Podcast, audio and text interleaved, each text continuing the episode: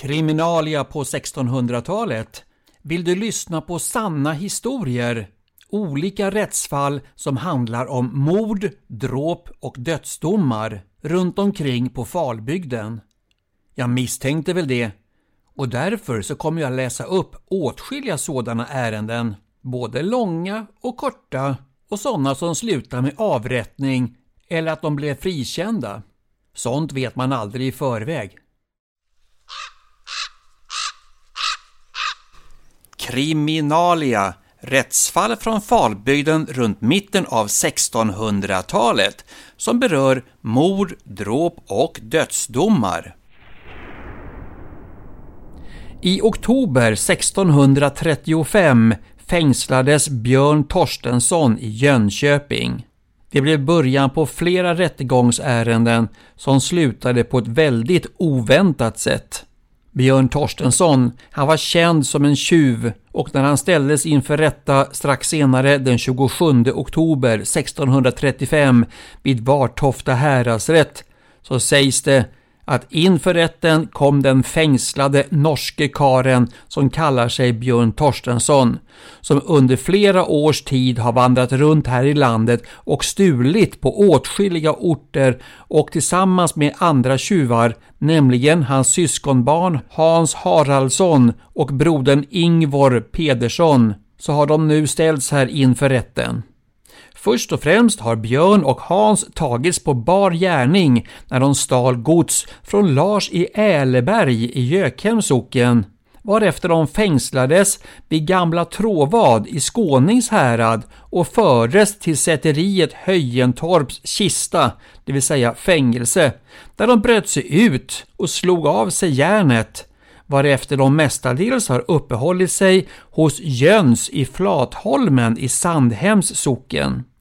På Björns många resor dit, till Flatholmen alltså, då tog han med sig boskap som inte var samma som han fört därifrån.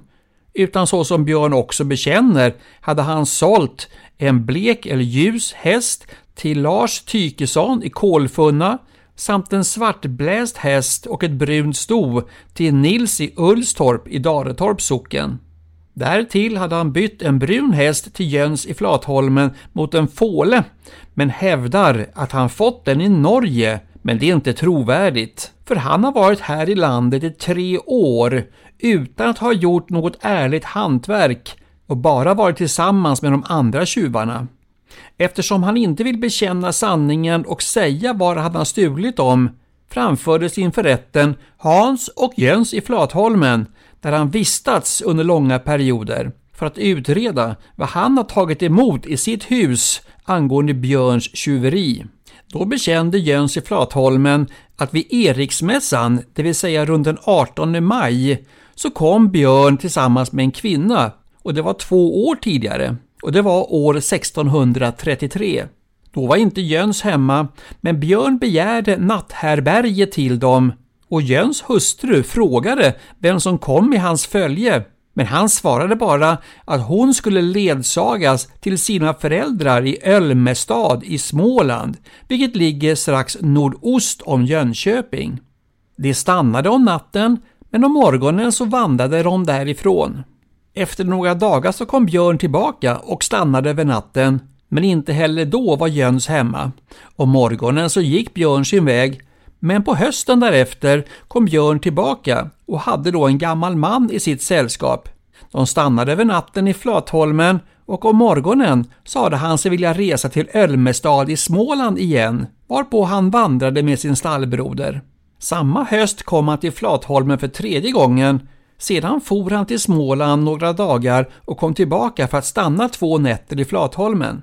Fjärde gången han kom till Flatholmen, det var strax efter jul 1633. Han stannade över natten och då var Jöns hemma och sedan skulle han fortsätta till Ölmestad igen. Då hade han ingen boskap med sig utan bara lite pengar till mat och dricka. Åtta dagar därefter kom han tillbaka. Den gången hade Björn en lång bössa ett sto och en släde med sig samt blev gäst där i Flatholmen om natten. Sedan reste han därifrån. Under våren 1634 kom Björn återigen till Flatholmen Men då gick Jöns ute på sitt gärde. Björn gick emot honom med en långskaftad yxa i handen och lade sig på åkerkanten intill Jöns. Då berättade han att han drabbats av en stor olycka på grund av en prästson i Norge, herr Lars son i Tången, eftersom han hade stuckit prästsonen i axeln med sin kniv och att prästsonen inte levde mer än åtta veckor därefter. Sedan stannade Björn ett par dagar hos Jöns och köpte åtta kannor öl, det vill säga 21 liter, där i Slättäng och Ljunghem. Jöns och hans folk satt tillsammans med Björn i två dagar och drack detta. Men sedan ville Björn gå till Ölmestad i Småland i väntan på att hans ärende i Norge kom till försoning. 14 dagar därefter kom Björn tillbaka och då hade han andra kläder av brunt tyg. Han stannade i fem dagar för att dricka och slösa. Sedan reste Björn, men vart hän visste inte Jöns. Vid tiden för Persmässan, den 29 juni 1634, då kom Björn återigen till Flatholmen, men med sin brorson Hans Haraldsson, som sades vara född vid Brätte, som är det gamla namnet för staden Vänersborg och som uppgavs ha rymt från sitt fäderneland Norge eftersom denna del av nuvarande Sverige låg i Norge på den tiden. Den här rymningen gäller i första hand för Björn, för orsaken var att en profoss skulle hämta honom för hans missgärning som han gjort tidigare. Men då försvarade han sig och högg profossen med sin yxa så kinden föll ner på hans axel och han stupade omkull. Vid samma bråk blev han själv nedslagen samt visade Björn sina ärr på bröstet, vilka hade läkt i Skara. Där gav han 18 riksdaler till bårdskäraren i lön och det motsvarade ungefär nio månadslöner. Denne brorson hade med sig två granna särkar och två huvudkläden, alltså mössor, till Jöns hustru samt en särk och ett huvudkläde till Kerstin som följt med Björn. De stannade en dag och fortsatte sedan till Småland. Men där på resan så lämnade Björn sin brorson Hans hos bonden Simon i Eskelid i Gärstorps socken strax hitom Jönköping med löfte om att han inte skulle vara borta längre än till Larsmässan, det vill säga den 10 augusti 1634. För i annat fall var bonden lös och befriad från hans försörjning. Sedan fortsatte Björn till Ölmestad i Småland där han stannade i 14 dagar. Det var på denna resa som Björn blev insatt och fängslad på Jönköpings slott tills prästen herr Sven i Ölmestad såg till så att han blev utsläppt. Därefter så återkom han till Flatholmen. Vid tiden för Larsmässan den 10 augusti så kom även Hans till Flatholmen och sade att han ville resa hem till sin systers bröllop. Därefter gick de iväg och var borta i drygt två veckor och kom tillbaka den 27 augusti 1634. Då hade Björn en svart häst med sig och Hans en ljus häst. Men armen var avslagen så de höll sig stilla ända fram till torsdagen före Matsmässan, alltså den 19 februari 1635. Då red de iväg och sade att de skulle till Göteborg där de stannade i åtta dagar. På den resan sålde de stoet och hästen, men när de kom tillbaka till Flatholmen hade de den tredje tjuven med sig, Ingvor Pedersson, samt två bruna hästar och en skeppa salt, ungefär 25 liter, som de förärade sin värd Jöns i Flatholmen. Där satt de sedan stilla och köpte öl och malt som de drack dag och natt. Efter två dagar visade Björn bort de andra två för att hämta tre oxar som han hade hos Peder Svenske i Skara. Åtta dagar därefter kom de tillbaka utan oxar men då bad Björn dem försöka igen och gav dem en riksdaler eftersom han hade lovat oxarna till Sven Håkansson i Jönköping för koppar som han hade fått.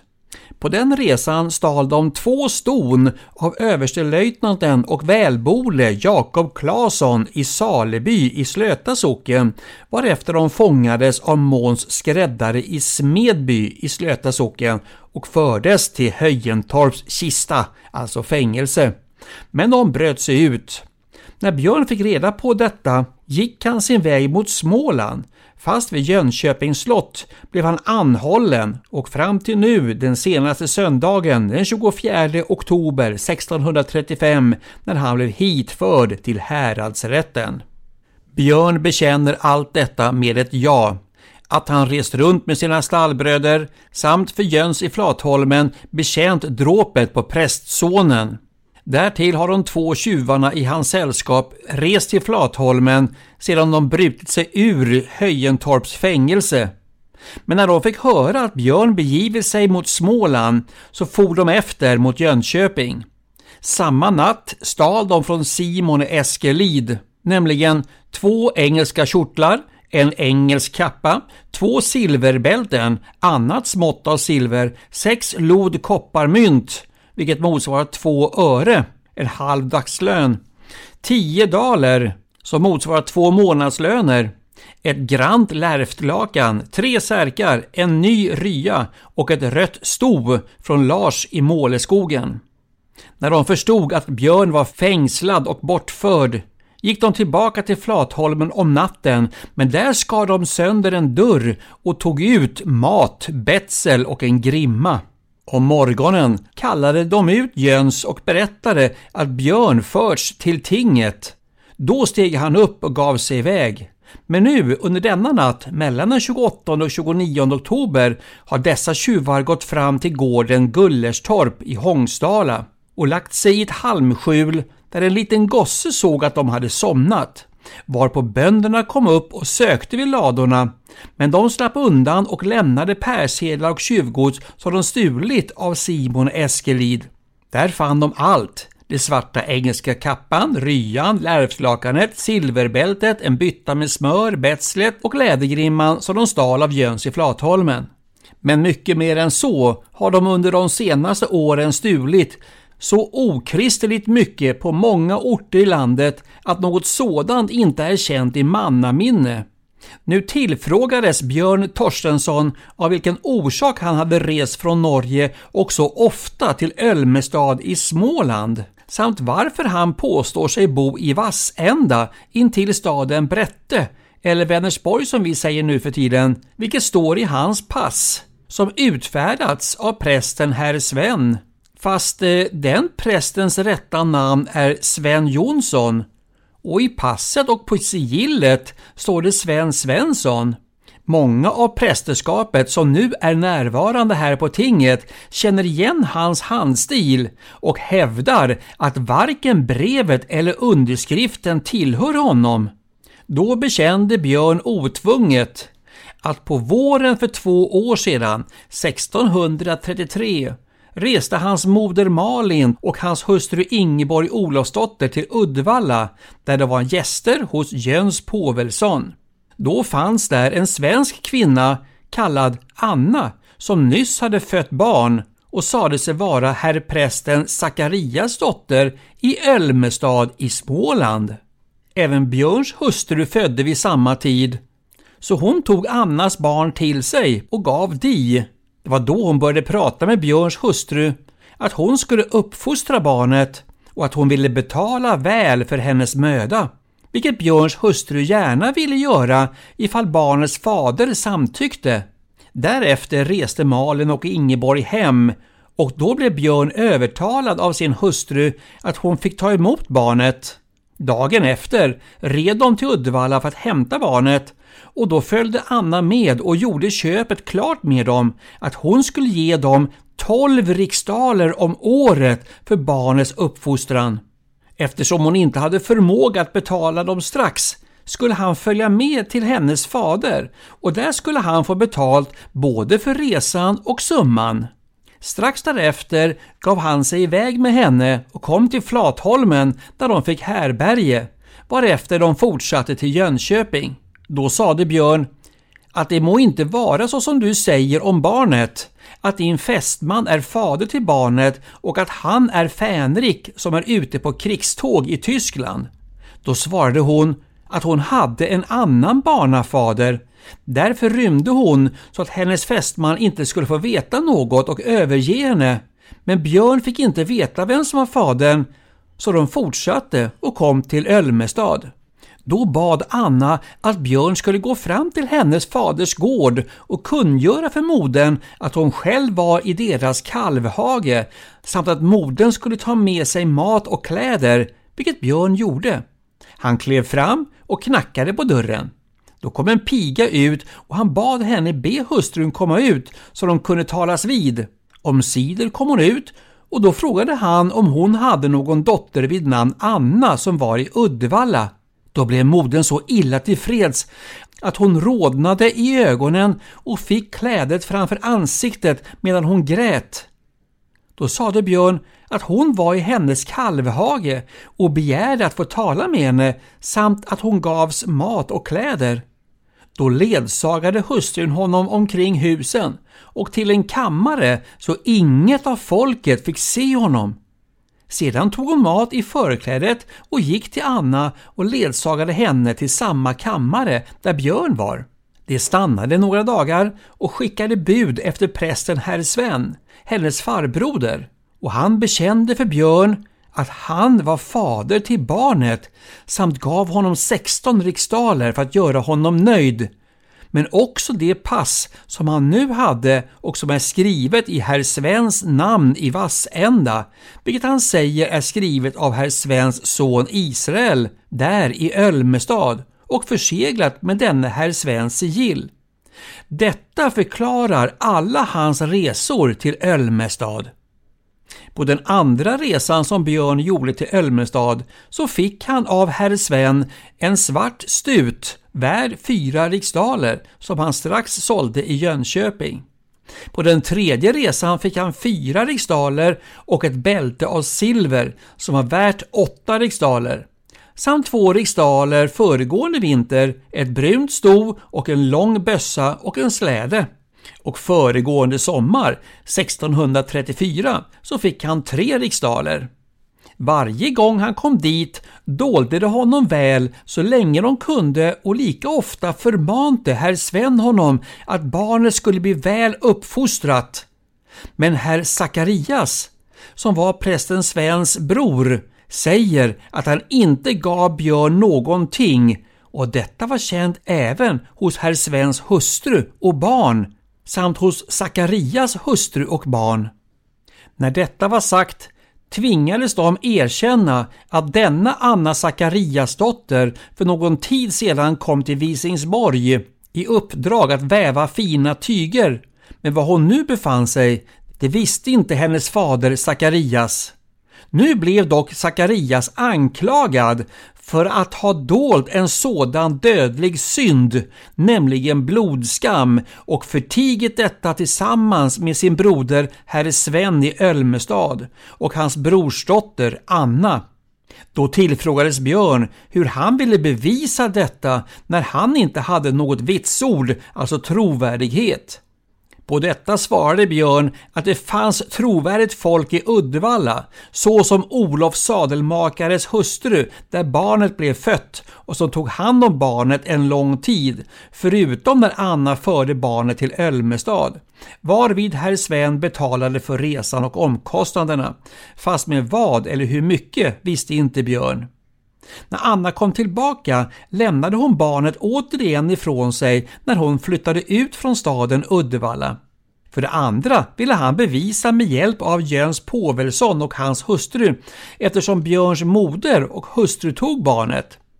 Som det sista beviset så sade Björn att barnet ännu lever och är hos Björns moder. Och detta är det säkraste beviset. Att dessa påståenden är sanna vill Björn intyga med sitt liv. Då tillfrågades Björn hur han kan förklara sig angående prästsonen herr Lars i Tången, som han hade slagit ihjäl. Därpå svarade Björn att han hade stuckit herr Lars i nödvärn när denne satte svärdet mot hans bröst, men att han ännu skulle leva satte ingen någon tilltro till. Därför bestämde tingsrätten att Björn skulle förvaras i starkt häkte i Jönköping, så hans anklagelse mot prästen herr Sven i Ölmestad och Anna Sakariasdotter kunde bli ransakad.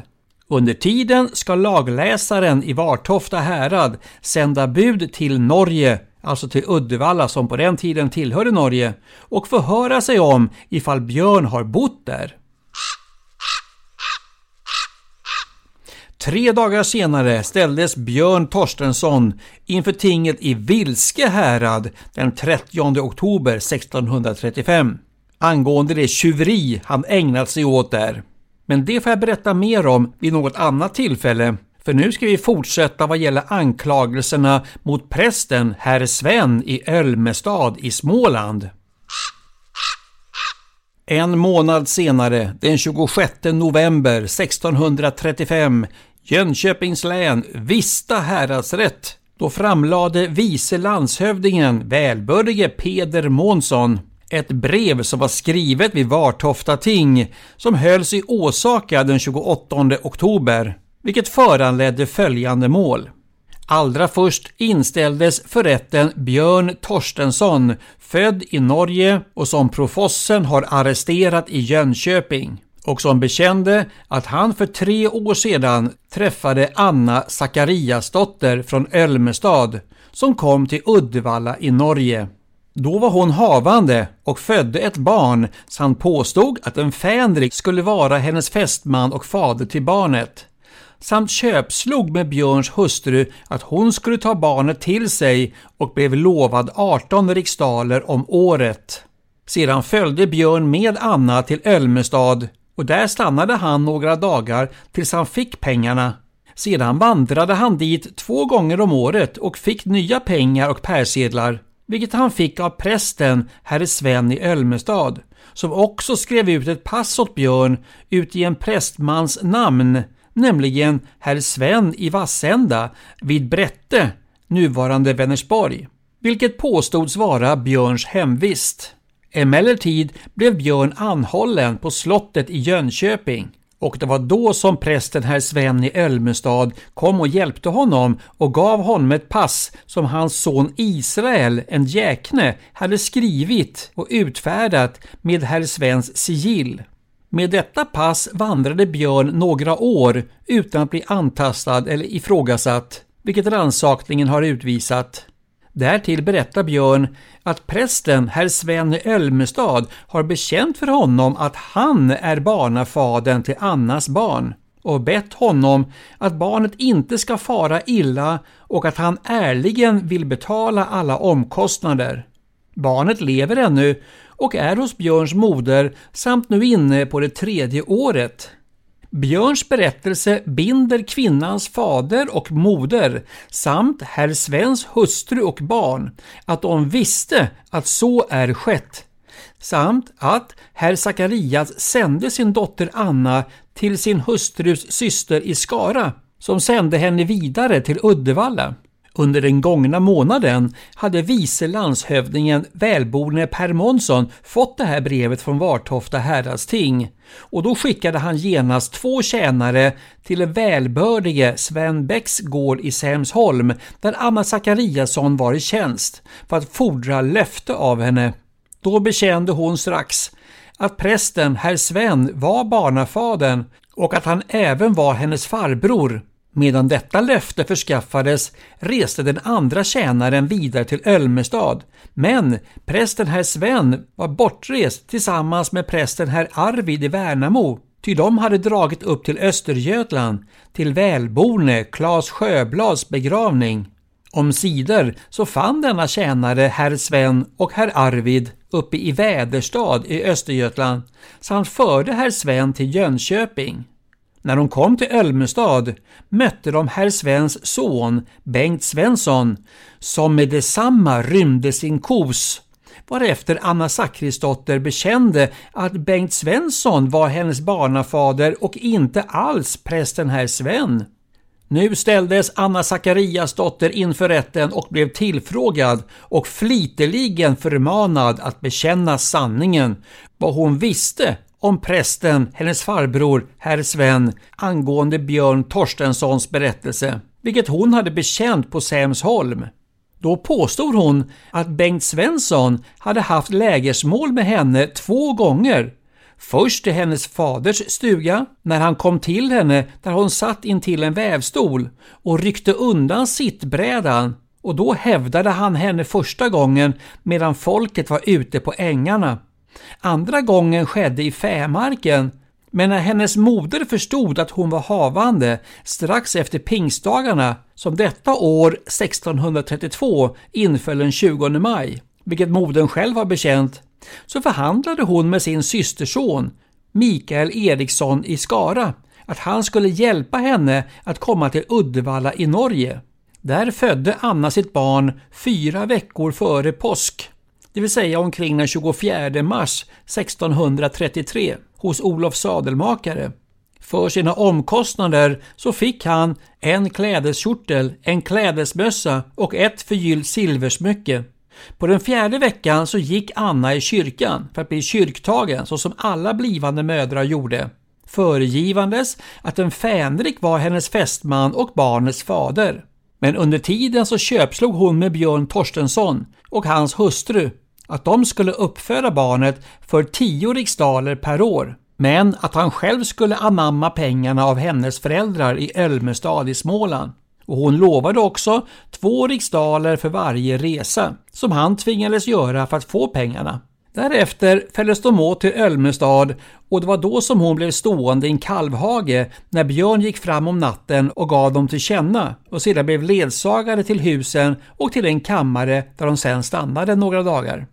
Därefter vittnade landshövdingens tjänare Per Jonsson att när han och hans stallbroder Nils Nilsson kom till Sämsholm och fordrade löfte eller att följa med fängslad därifrån så bekände hon med samtliga avgårdsfolk som åhörare att prästen herr Sven kom till henne vid hennes faders stuga där hon satt vid en väv och ryckte undan flöjen som hon satt på och hävdade henne första gången och den andra gången i fämarken.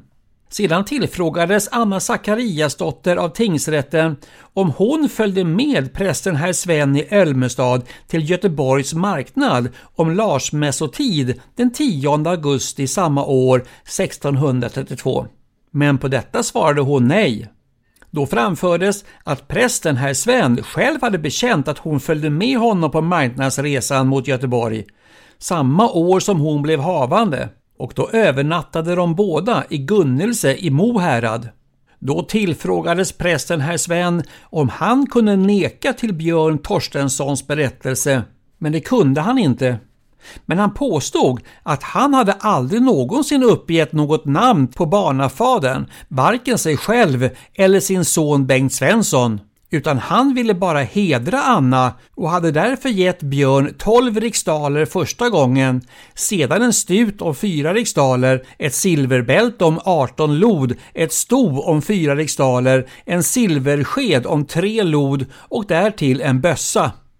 Men från den dagen som Anna återkom till Ölmestad så har hon hållit sig för en piga och inte som en moder eller prästdotter. Ty även hennes fader Sakarias var präst eller kaplan i Ölmestad.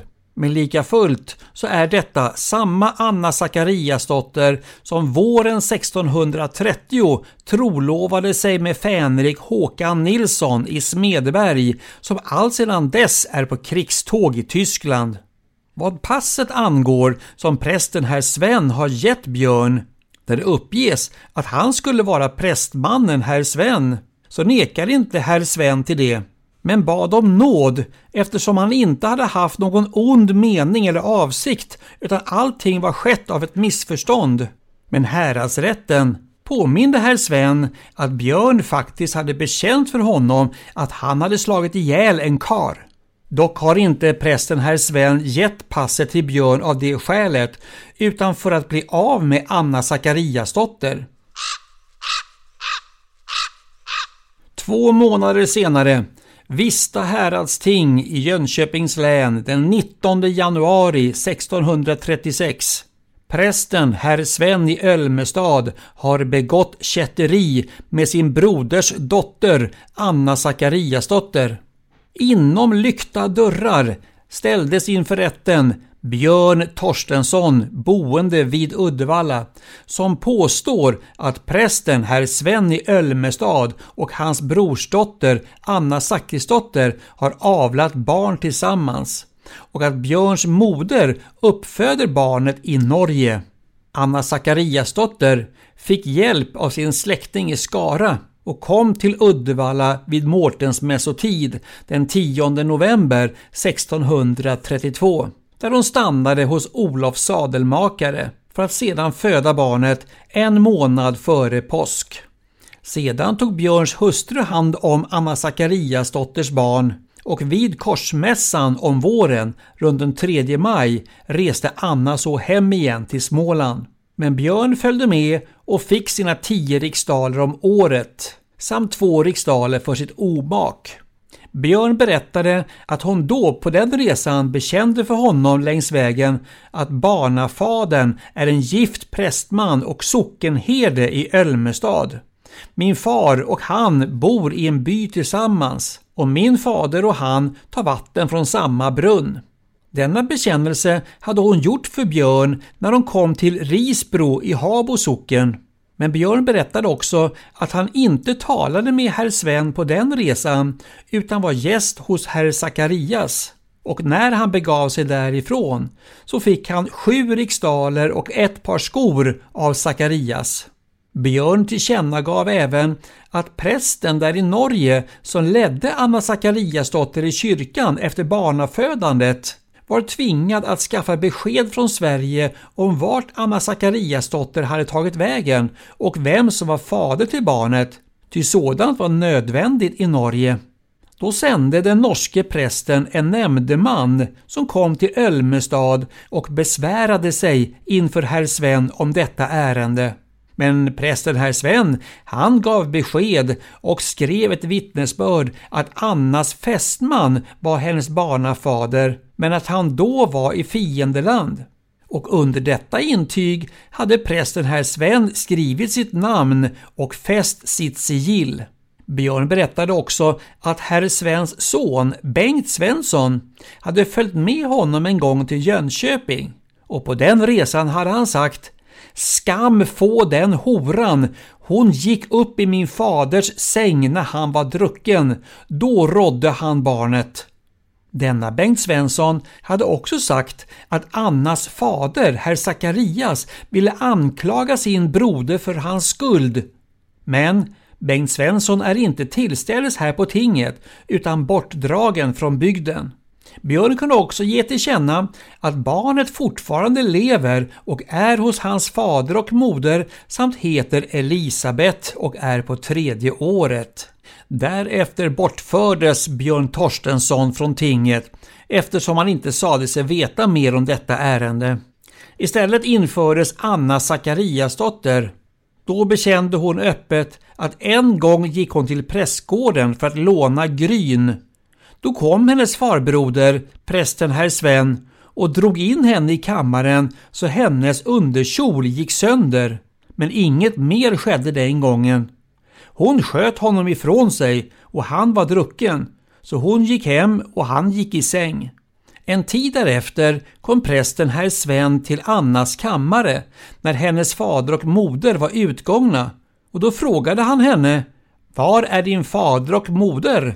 Och Anna svarade Inte vet jag var de gick. Herr Sven sade Jag såg dem gå där borta vid Ekebergsledet. Och genast stängde han förstugodörren med ett stängsle och gick in och bedrev sin otukt med henne. Anna sade Käre farbroder, låt mig vara. Då tog han med ena handen undan hennes sittbräde som Anna satt på och med den andra handen fattade han henne i armen Därefter främjade han sin vilja på sätet, emot bordet stöttes hennes arm. När häradsrätten frågade om hon hade ropat så svarade hon Nej, men jag bad honom mycket låta mig vara. Alldeles strax därefter kom Inger i Tokarp och bankade på dörren och då lät herr Sven öppna dörren efter gärningen och mötte henne när hon gick in, men de talade inte om saken. Anna Sakariasdotter bekände att andra gången skedde på Gärdet när hon kom ut ur fäskogen, vilket hon också sade hade skett med besvär och tvång, dock utan klädrevor och blånader. Båda bekänner att ingen otukt har någonsin varit dem emellan sedan dess. Fast eh, Anna gav också till känna att det hände sig en tid därefter när herr Sven och hon reste till Göteborg så bad han henne om en fortsättning och ville ha mer intimt umgänge. Men då svarade hon här är alla redan nog med synd utförd och därmed avvändes denna dårskap. Sedan gav Anna Sakariasdotter till känna att herr Svens hustru och barn bad henne skjuta skulden på faderns syskonbarn, det vill säga prästen herr Svens son Bengt Svensson. Dock svär hon om sidor för Gud och hela världen att hon med herr Svens son Bengt aldrig har gjort något olovligt. Då kom Inger Svensdotter i Tokar fram inför rätten och kunde intyga att Annas vittnesmål var alldeles korrekt. Hon hade bankat på dörren och prästen hade öppnat. Men när hon gick in så gick herr Sven ut och hon fann då Anna sittandes där vid väven. Till detta kunde inte herr Sven neka och han bekände vidare att allt detta hade skett mitt på ljusa dagen då han var både nykter och fastande. Prästen herr Sven fick nu förklara sig och erkände att angående hennes första uttalande så sa han Jag var full och drucken när hon var i kammaren. Strax när hon gått lade jag mig i sängen och då hade vi inget umgänge tillsammans. Men klädrevnaden nekade herr Sven alldeles till, men bekände att han tagit under förklädet. De andra två gångerna, det vill säga när han hävdade henne, kunde han inte neka till utan bekände att han var hennes rätta barnafader. Men då anklagade plötsligt herr Sven herr Sakarias hustrus systerson Mikael Eriksson i Skara som hade hjälpt henne från Skara till Uddevalla. Att han måtte ha fångat hennes uppmärksamhet och lust samt åtminstone gjort lite köstligt umgänge och att han inte alls tog ansvar för henne så som han lovade. För han hade minsann begärt en häst om 16 daler, ett kjortlakläde om 14 daler, 20 daler pengar, en silverkosa och lite annat som prästen herr Sven tvingades betala till honom. Nu bekände prästen herr Sven att han även hade gett Björn Torstensson 10 riksdaler om året för att försörja barnet väl. Men att Björn hade begärt mer, vilket han också försökte bevisa på olika sätt men det misslyckades. Allra sist bad prästen herr Sven i Ölmestad ödmjukeligen om nåd och livets förskoning till bot och bättring. Efter dessa förhör samlades rätten och insåg att det fanns många frivilliga bekännelser som uppenbarade gärningen. Därför kunde inte häradsrätten värja prästen herr Svens liv för hans kyrkliga stadgaförbrytelse och även Anna Sakariasdotter att mista sitt liv, andra till rättelse och varnagel, som givit onda exempel och orsak till att lättfärdigligen överträda av Gud själv förbjudna led. Dock utan att just ett sådant fall uttryckligen fanns i Mosebok och förbjöds. Men lika fullt eftersom de dömda är genomsyrade av en djävulsk demon. Därför kan de inte dömas för helt kätteri, men tillhör likväl högmålssaker som rättar sig efter Guds lag och det som är författat i den heliga skrift. Avslutningsvis kunde man konstatera att prästen herr Svens hustru Kerstin Jönsdotter samt deras barn, söner och döttrar jämväl brodern herr Sakarias och hans hustru Karin Mikaelsdotter alla de bedjer för sin gamle man, fader och barn. Socknen och hela häradets inbyggare fäller också ödmjukeligen en förbön att båda personerna för bot och plikt till livets förskoning gunstligen må bli benådade. Dagen efter, den 20 januari 1636, återupptogs förhandlingarna. Då framträdde inför rätten hustru Karin, herr Sakarias hustru och hon påstod att hennes dotter Anna inte alls var Sakarias dotter utan att hon hade en annan barnafader till henne benämnd Anders Pedersson i Tjust härad. En jäkne som på den tiden gick i skola medan hon tjänade i Nylösen som är en del av gamla Göteborg. När herr Sakarias dragit ifrån henne kom denne Anders i hennes umgänge och rådde henne med denna dotter Anna, vilket vid den tiden var vida känt. Fast om han nu lever, det visste hon inte. Hon gav också till känna att herr Sakarias inte bara efteråt utan även före den andre hade haft umgänge med henne. Men dock säger hon sig ha blivit havande med just denna Anders Pedersson. Detta hade faktiskt nämnts tidigare på tinget, men nämndemännen var så upptagna av övertygelsen att Bengt Svensson skulle utpekas som barnafader så de hade glömt bort detta ärende. Och ifall det var Bengt Svensson som var barnafader så gällde släktskapet bara kusiner. Men Karin Mikaelsdotter hävdar att Sakarias inte alls är Annas fader och således är inte heller Anna herr Svens brorsdotter. Sockenmännen och nämnden kunde vittna om att två år efter det att herr Sakarias kom hit till bygden så tvingades han till äktenskap med denna Karin Mikaelsdotter. Då hade hon öppet klagat inför herr Sakarias eftersom han förvägrade henne äktenskap. Hon hotade och ville förgöra sig själv och då hade herr Sakarias nekat till att han var hennes barnafader. Och när hon kom hit upp till bygden med barnet så var det så pass stort att det kunde gå. Hustru Karin Mikaelsdotter, herr Sakarias hustru, hon bekände att Anna föddes tre veckor efter jul, strax in på år 1610. Och hon hade minsann blivit havande med henne tre veckor efter vårfrudagen i fastan år 1609.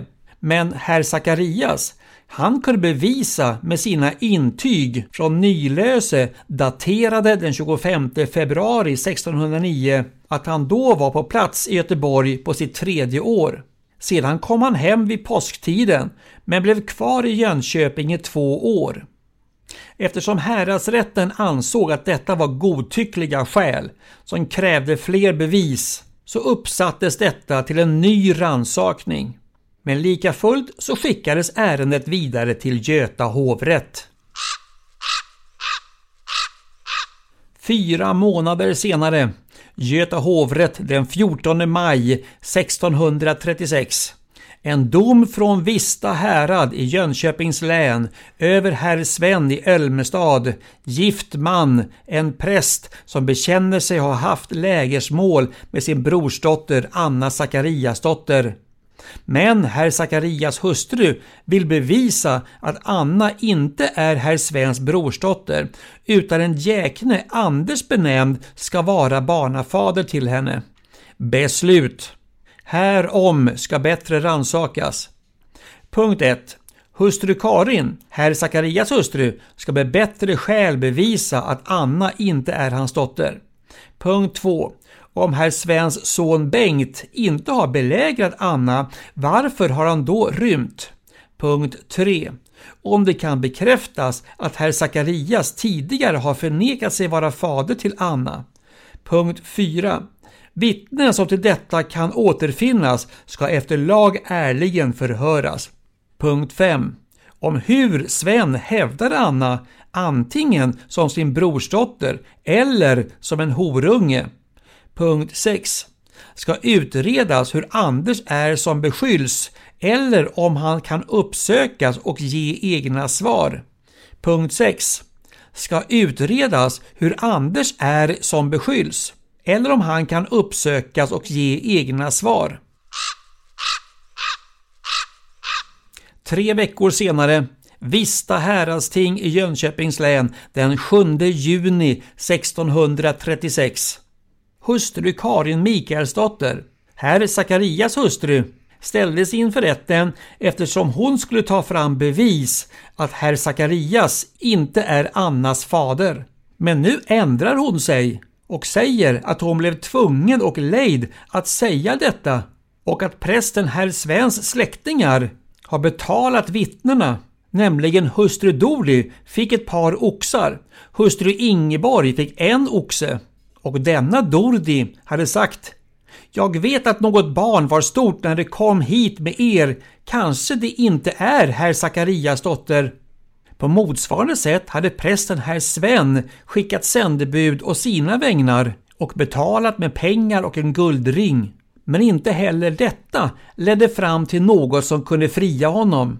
Tvärtom så framkom det ett vittnesbrev från Göteborg av tre trovärdiga kvinnor. Vi som undertecknat denna skrift gör veteligt och betygar härmed sannfärdigen att efter en begäran av Karin Mikaelsdotter, barnfödd i Vilösa, kunde vi hennes vittnesed inte förvägra att hon som hustru fött ett pigebarn om påvelsmässan, det vill säga den 25 januari, Annika vid namn, vilket barn efter kristliga och ordentliga ceremonier är med hederliga föräldrar förd till den heliga dopfuntens sakramente och kristnad av hederliga och vällärde herr Lars Mikaelsson, fordon kaplan där sammastädes.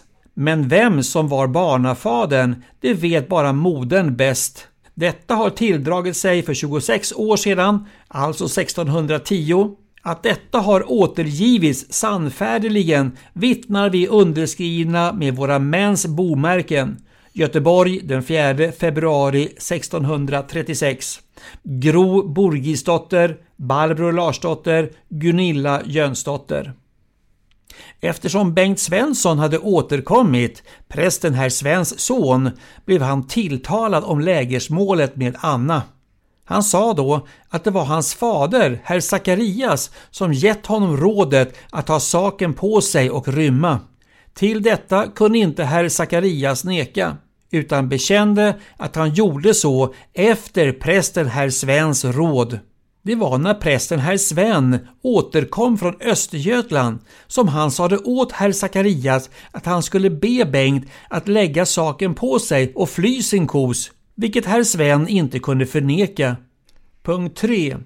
Att herr Sakarias skulle ha nekat sig vara barnafader till Anna när Karin Mikaelsdotter kom dit, det sade han nej till, utan hon kom om torsdagen och sedan vigdes de om söndagen. Punkt 4. Det gällde att alla vittnen skulle inkallas som visste någonting om detta. Men här nämns ingenting. Punkt 5. Att herr Sven skulle veta något annat än att Anna var hans kötslige broders dotter när han hävdade henne, det är inte sant. Han har alltid betraktat henne som sin brorsdotter. Punkt 6. Angående Anders Persson som beskylls ha varit fader till Anna så svarade hon, såväl som gemene man, att ingen visste var han befann sig eller kunde återfinnas. Fem dagar senare, den 12 juni 1636, Göta hovrätt. Prästen herr Sven i Ölmestad begått kätteri med sin broders dotter Anna Sakariasdotter. En dom och ransakning från Vista härad över herr Sven i Ölmestad, gift man som har begått kätteri med sin brorsdotter Anna Sakariasdotter, vilket hennes moder har bekänt vara herr Sakarias äkta dotter, men som tidigare var lockad och tubbad, övertalad, lurad av herr Svens hustru och andra till en annan bekännelse som är skärskådad av ransakningen. Beslut All den stund herr Sven har, punkt 1, begått fullt kätteri som den sjuttonde punkten befaller ska avrättningen verkställas utan något dröjsmål. Punkt 2 är dubbelt hor eftersom man ska hålla en fästmö för laggift hustru. Punkt 3 har herr Sven ägnat sig åt förfalskning, vilket den som sådant begår ska straffas till livet.